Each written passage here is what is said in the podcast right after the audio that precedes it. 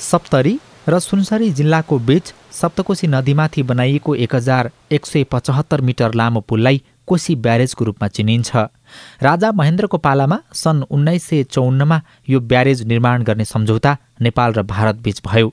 पुल बनिसकेपछि हरेक वर्षातको बेला नेपाली भूभाग डुबानमा पर्दै आएको छ। पानीको बहाव झन्डै झन्डै कोशी बाँधलाई नाग्ने गरेको अवस्थामा पुगेको छ। आफ्नो भूमिमा सिँचाइ गर्न र पानीको बहाव रोक्न भारतले नेपालसँग सीमा क्षेत्रका नदीमा बाँध बनाएको छ। कोशी महाकाली नारायणी कमला बागमती लगायतका नदीमा बिसवटा बाँध बनेका छन्।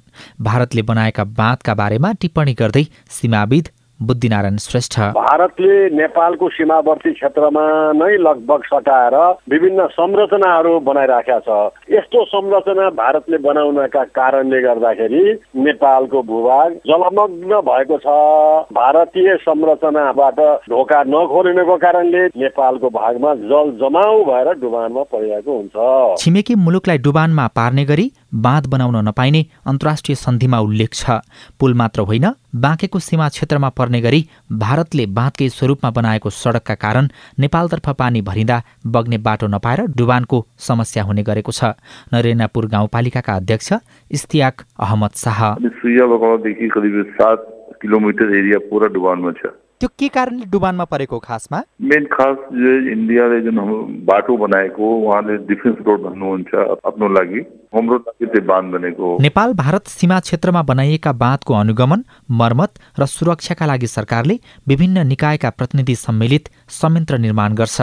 संयन्त्रको बेलाबखत बैठक बस्ने गरिएको भए पनि काम खासै देखिँदैन। पाँच महिना पहिले बाँधको विषयमा भारत सरकारलाई पत्र पठाइएको भए पनि भारतले जवाब दिएको छैन।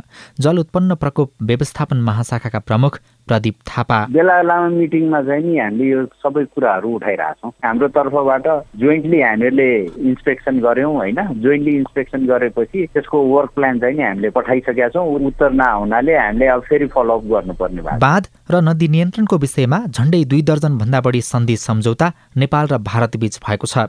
दुई देशका प्रधानमन्त्री भेट हुँदा र अरू उच्च स्तरका भेटघाटमा सीमा क्षेत्रका बाँध र डुबानको विषयमा कुरा हुन्छ तर ठोस निर्णय हुँदैन। फेरि सीमाविद श्रेष्ठ। भारतले पनि तेरपुसर लगाउँदैन भनेदेखि अनि व्यापारी पक्षले अन्तर्राष्ट्रिय समुदायलाई गुहार्छौँ अन्तर्राष्ट्रिय सन्धिलाई आधार मानेर हामी जान्छौँ भनेर जानकारी दिनुपर्छ। नेपालमा रहेका ठुला साना नदीका कारण वर्षाको समयमा तराईका चौध जिल्ला पूर्ण रूपले डुबानमा पर्ने गरेका छन्। बाँधले दिएको दुःखका बारेमा वर्षातको बेलामा चर्चा हुने गरे पनि अरू बेलामा छलफल गरी ठोस निर्णय भएको पाइँदैन।